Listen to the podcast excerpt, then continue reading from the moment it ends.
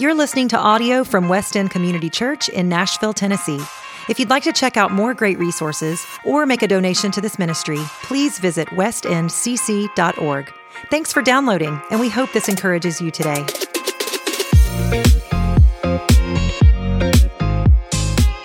Good morning. My name is Greg, one of the pastors here. Welcome to West End. Glad you have chosen to worship here. We are continuing and also coming to a close in the next week or two this sermon series on the Psalms of Ascent, which are hymns that the Old Testament people of God would sing as they journeyed towards Jerusalem to worship God during one of the Jewish holidays or the holy days.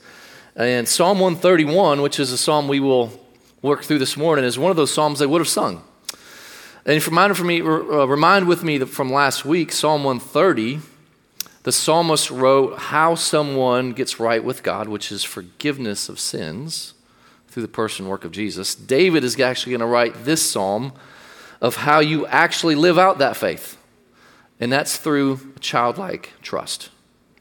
It's childlike trust. And he outlines for us those areas that a child has that apply to you and me this morning of how our childlike trust in God can grow. And if you're wondering, what does a child have that as an adult you don't have or possess, you're in the right place this morning.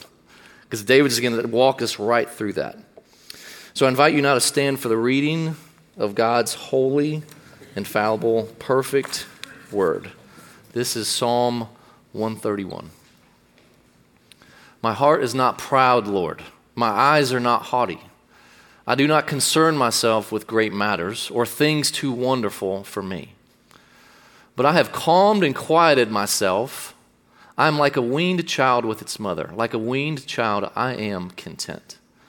Israel, put your hope in the Lord, both now and forever. This is the word of God for the people of God.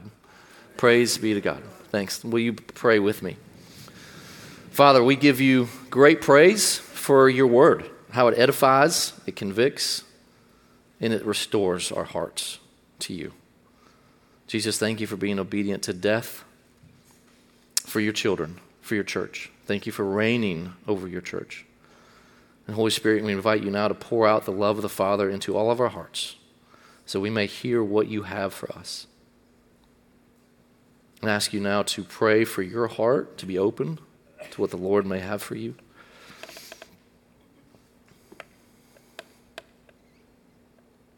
Pray for your neighbor's heart to be open. And pray for the preacher's heart.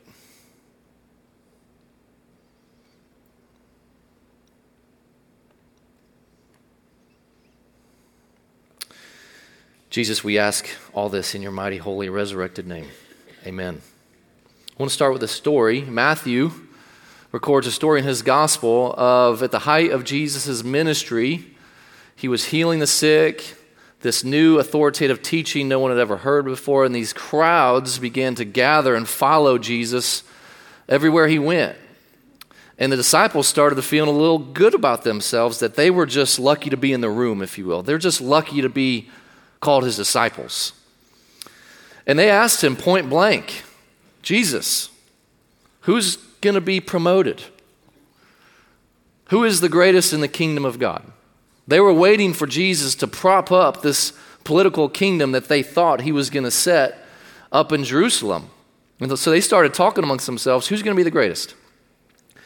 And what Jesus does is he calls a child, puts, in, puts a child in front of them, and says this Truly, I tell you, unless you turn and become like children, you will never enter the kingdom of God.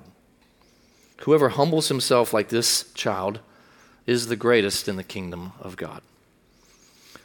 What's he saying there exactly? He's saying, guys, stop jockeying for best disciple of the year or the most improved disciple and take on the characteristics of a child. See, a child is able to trust because there's an innocence. There's just a blank slate of trust because they haven't been corrupted by pride arrogance, hypocrisy, ambition. just like C.S. Lewis wrote, although Christ wants a grown up's head, he requires a, a child's heart. And that's what David, David's going to outline. What does a childlike trust look like? Yeah, for all of us in the room, whether you're a young adult, a teenager, an older adult, we can all struggle with adulthood. Because there's like, when you move into adulthood as a young adult, right, there's almost this rite of passage that culture screams at you that now that you've arrived, you get to make your own decisions. And the enemy starts whispering, that was your parents' faith. You can let go of those childlike beliefs. You're an adult now, you've arrived. Right? And he, the enemy even whispers us to us as older adults, adults thinking that we're in control of our life. And since we're in control of our life, childlike trust is, is exactly that. It's just childish. Create your own way. You can deconstruct, which is alive and well in our society. Come up with your own faith. Be who you want to be. And for both young and older adults, right, our faith begins to fade away, our trust, both in priority and practice. And that's why Psalm 31 is 131 is so helpful because it gives you three areas of humility, contentment, and hope that David says helps maintain or cultivate that childlike trust. So look at me, look with me in verse 1. Childlike trust models humility. He starts with three negatives. My heart's not proud, my eyes are not haughty, and I don't concern myself with things greater than me. First, he denounces pride. He says, My heart's not proud. Just like the heart here is your whole person, it's the culmination of your mind, your thoughts, your feelings, your will. And just like Proverbs 4 teaches, everything that we do, think, feel flows from the heart. So David is starting with a reflection of the, found, of the, the deepest spiritual self of who he is. And the word proud here, it literally means to exalt yourself. What happens when you exalt yourself? You decrease everyone and everything else, including God. That's what pride does. And notice David says where pride lives, it lives in the heart. And we're, everyone struggles and is born with the sin of pride. Right? Satan introduces pride in Genesis 3 by taking on nothing less than a prideful spirit to Adam and Eve. Right? And he uses that avenue of pride for Adam and Eve to become like God by rejecting God's word and God's presence and God's trust and seduces them and introduces the theme that is still alive and well today the theme of doubt, that theme of unbelief, where Adam and Eve can take matters into their own hands.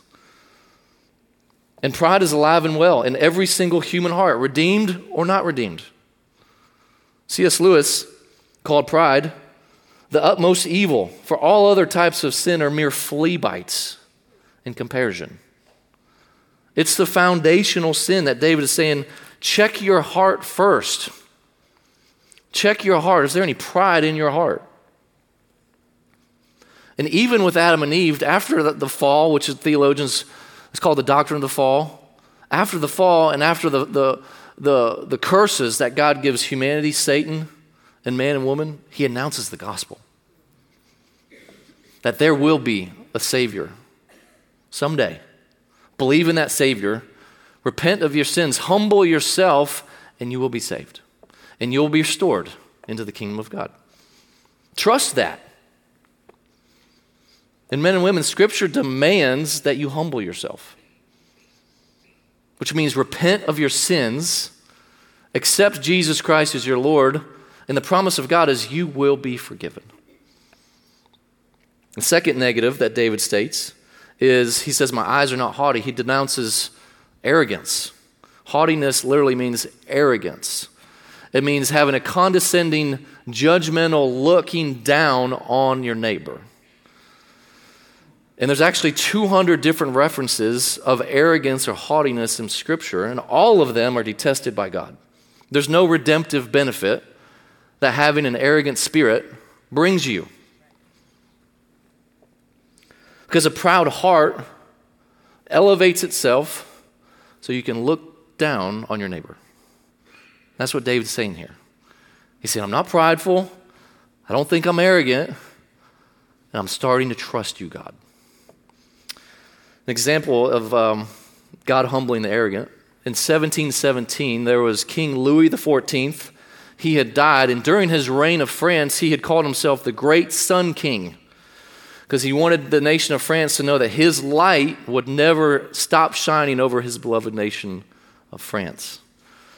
So at the time of his death, uh, he, was re- he was put to rest in a golden coffin, and he instructed one candle in the entire cathedral of France, one candle be lit to represent the meaning of, of what he was, the great Sun King, that his light would never outshine in the nation of France. So as the funeral began, with thousands in attendance, the bishop came up, he said a prayer, and the first thing that he did is he reached down at that candle, whew, he blew it out. And he said, Only God is great. I'm just going to read into that illustration a little bit. That bishop knew that God takes that sin of arrogance very seriously. Because only God is the light of creation. Jesus is the perfect light represented in the gospel. Only Jesus in the gospel is great. Instead of arrogance, Jesus teaches us the opposite. He says, instead of having that I'm better than you attitude, which just creates division and strife, he says, whoever would be among you, whoever would be great among you would be your servant. Service to your neighbor offsets the sin of arrogance. The third thing that David outlines, he says, I don't, he denounces ambition. This, this phrase, great matters or things too wonderful, wonderful for me, simply talks to the work of God, the acts of God in salvation in the life of Israel and the life of Christ's church. He's confessing that he's not God, and he's not going to try and play God or be too overly ambitious, and he's going to let God be God. An example of this in David's life is God revealed to David that he would be king of Israel 10 years prior to actually being installed as king of Israel. And David just had to wait. He walked with God. And he waited for God, for God to do his work on his time in the life of David. And for many of us, ambition can be a stumbling block, and it start with me. And I love how Eugene Peterson kind of distinguishes ambition from aspiration. He says it's difficult to recognize ambition as a sin because of its close relationship to that of aspiration. Aspiration is the channeled creative energy that moves us to grow in Christ. If we take the energies that make for aspiration and remove God from the picture, replace it with ourselves, we end up with nothing but aspiration gone crazy, known as ambition. So, let's be clear what's wrong with ambition is just the personal drivenness to get all you can on your own effort without God to your own self glory.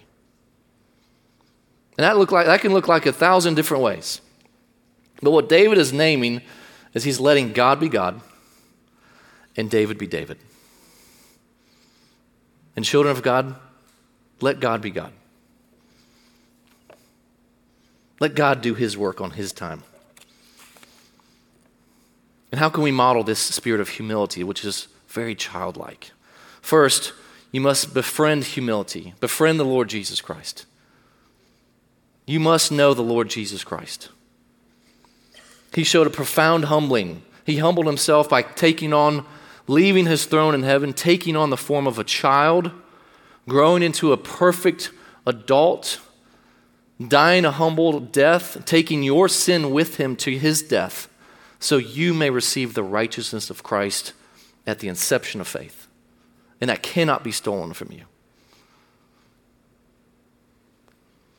The second thing is we can model humility by adopting the parting words of John the Baptist. He came to introduce the ministry of Christ to the world. And John the Baptist said, Christ must become greater and I must become less. So, men and women, where can you decrease so Christ can increase? In your relationships, in your dating life, in your vocation? If you're an employer in the room, where can you take a lower seat at the table? So Christ can actually sit at the head of the table. And God can get all the glory for the success, the growth, the impact of your organization, your ministry, your business. And when we decrease and we model humility, it actually opens up room for the Spirit of God to display the gospel of grace in and through us, and we're actually a better witness for Christ. David starts with a childlike trust, which models humility. In verse 2, he continues with a childlike trust, models contentment. Puritan Jeremiah Burroughs offers a lengthy but pretty good definition of contentment. He says, Contentment is that sweet, inward, quiet, gracious frame of spirit which freely submits to and delights in God's wise and fatherly disposal in every condition. Now, let me translate that. It means resting in God. In your circumstances, good, bad, ugly, hard, difficult, easy, resting with the contentment that God is God. And that builds trust like a child. How do we do that? David says, I've calmed myself. Literally, it means to settle down and be quiet in the presence of God. So, if you're like me, sometimes, maybe it happened this morning, sometimes you arrive here late, hurried, rushed. I've done it plenty of times, and it's embarrassing, especially when you work here. So I'll own that. And I confess of that. And when we come together as a people of God and we, we play the opening song to quiet our hearts, that's what we're doing. We're quieting our hearts to approach the living God. Richard Foster said the adverse, our enemy, majors in three things noise, hurry, and crowds. Are you addicted to any one of those? Noise, hurry, and crowds. If he can keep us engaged in muchness and manyness and the busyness of life, he wins. When have you just quieted yourself before God and just rested? That may be a new concept. But Scripture is inviting you to consider that and mandating you to consider that. And David's saying your contentment with your life, your circumstances, your relationships, even your trust in God will grow. The second half of verse 2, David learned contentment by just like a child is weaned from its mother. It's this, this process of a child weaning from the dependence on its mother's milk and is, t- is taught to take over food instead. In, in ancient history, uh, Israel, this would have been three to five years. This weaning process would have started and completed by the time the child was five. And you mothers know that this weaning is necessary for your child to grow into and receive the nutrients that this young body is growing to become. You know it's necessary and it's difficult. Because you think like you're depriving your child of something. But actually you're trust you're building trust in that child to receive its nutrients from something the better source.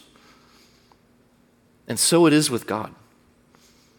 God wants to wean you off of those things that you are looking to for provision, for trust, dare I even say your salvation. David's saying that he's come through this weaning process and his trust in God is stronger than it ever has. The child no longer needs to climb up into its mother's lap for food. The child can just climb up into the mother's lap because he wants to enjoy her presence. That's what it's like with God. He wants us just to climb, to trust Him and climb up into His lap and just to enjoy who He is. Because He has first set His love on you and He just wants to spend time with you. It's the motherhood heart of God. God doesn't leave His child to Himself, but God nurtures His children. Like Isaiah said, as a mother comforts her child, so will I comfort you. We think of the father's love, but father's love is also very motherly, it's nurturing. And one of the primary avenues that God nurtures his people is through the church. Historically, the church has, has been known as our mother. And think about that. When we're born into the family of God, we join the church, the eternal covenant community of God's people. We join the local church. And what does the church do? The church nurtures us on the Word of God. It gives us, it provides meat for our souls when we come to the Lord's table. It feeds us. The church is a living expression of God's motherly love for you. So, how can we apply this contentment? David's just saying, be content like a child. So, men and women, children of God, where can you let go and ask God to bring that spirit of, of contentment into your heart? Where are your anxious thoughts? Where do they live? I know where mine live. Think about how God modeled, how Paul modeled contentment. He said, I've found the secret. The secret is Christ. Christ is the secret of Paul's contentment. He's been hungry, he's been naked, he's been, ship, uh, he's been shipwrecked, he's been starved, he's had, plentif- he's had plentiful, he's had nothing. In all those circumstances, Christ is where you find contentment. Ask Him for it. After humility and after contentment, what's the natural byproduct of a childlike trust? David tells us in verse 3 it's hope. Israel, children of God, put your hope in the Lord today and tomorrow. After all, faith, as the author of Hebrews defines, faith is the substance of things hoped for, it's the evidence of things not seen. Hope, when you put your hope in the Lord, you put your hope also in the promises of God. And those promises of God are bedrock. As one commentator says, hope is that happy anticipation of all good to come. Children of God, where are you living expectantly? Are you living? Have you lost hope? Have you lost that joyful anticipation that you once had but want to get it back? Anchor your hope in the promises of God. Just going to rattle off a few descriptors of the Lord Jesus Christ because Scripture says Jesus is the same as yesterday and today and forever. And all promises of God say yes and amen in the person and work of Christ. Revelation calls Christ the risen, glorified Son of God, the King of the church, the faithful, eternal witness, the firstborn from the dead, the ruler of the kings of the earth, the Alpha and the Omega, the beginning and the end. He's the first and the last. He's the Son of Man. He's the holy and true servant of God. That's for introduction. He is the lion of the tribe of Judah. He's the lamb in heaven, the lamb on the throne, the lamb that will return to finally and forever defeat evil. He's the word of God, the root and offspring of David, the bright and morning star. He's the majestic King of kings and Lord of lords who will return to inject the glorious splendor of God's kingdom in the next eternity. He's going to usher in the God of hope, and all knees will bow down and say, Jesus is King. When you hope, you're actually hoping, hoping in the promises of God. Children of God, anchor your hope. The evidence of the Lord Jesus Christ. And your childlike trust will grow.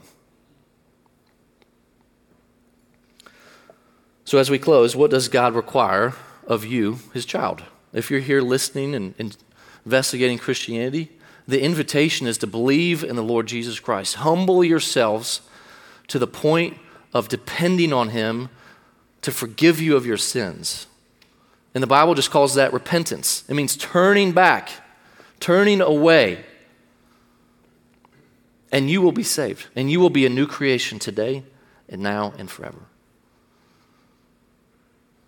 And if you are a believer in Lord Jesus Christ, no matter the age or stage of your Christian journey,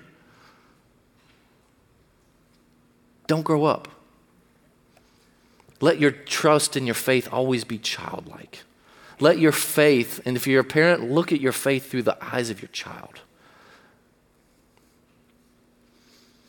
And as you trust Jesus, you can know that He humbled Himself to death on a cross for your sins. He was content to carry your sins to His cross and to His death. And He is the fulfillment of all things that your heart is aching for. And He is the hope of the world. And He is your hope today, tomorrow, and forever. Let's pray. Father, thank you for your word that is alive and active. Lord, thank you for the Spirit that is here applying the truths of this scripture to our hearts. Jesus, may you be present as we continue to worship, as we confess, as we take the Lord's Supper, and may you apply, Holy Spirit, the redemptive benefits of Christ to us through faith and strengthen our faith. Give us the longing for hope, Lord, that we genuinely need in the person and work of Christ. Jesus, it's your name we pray. Amen.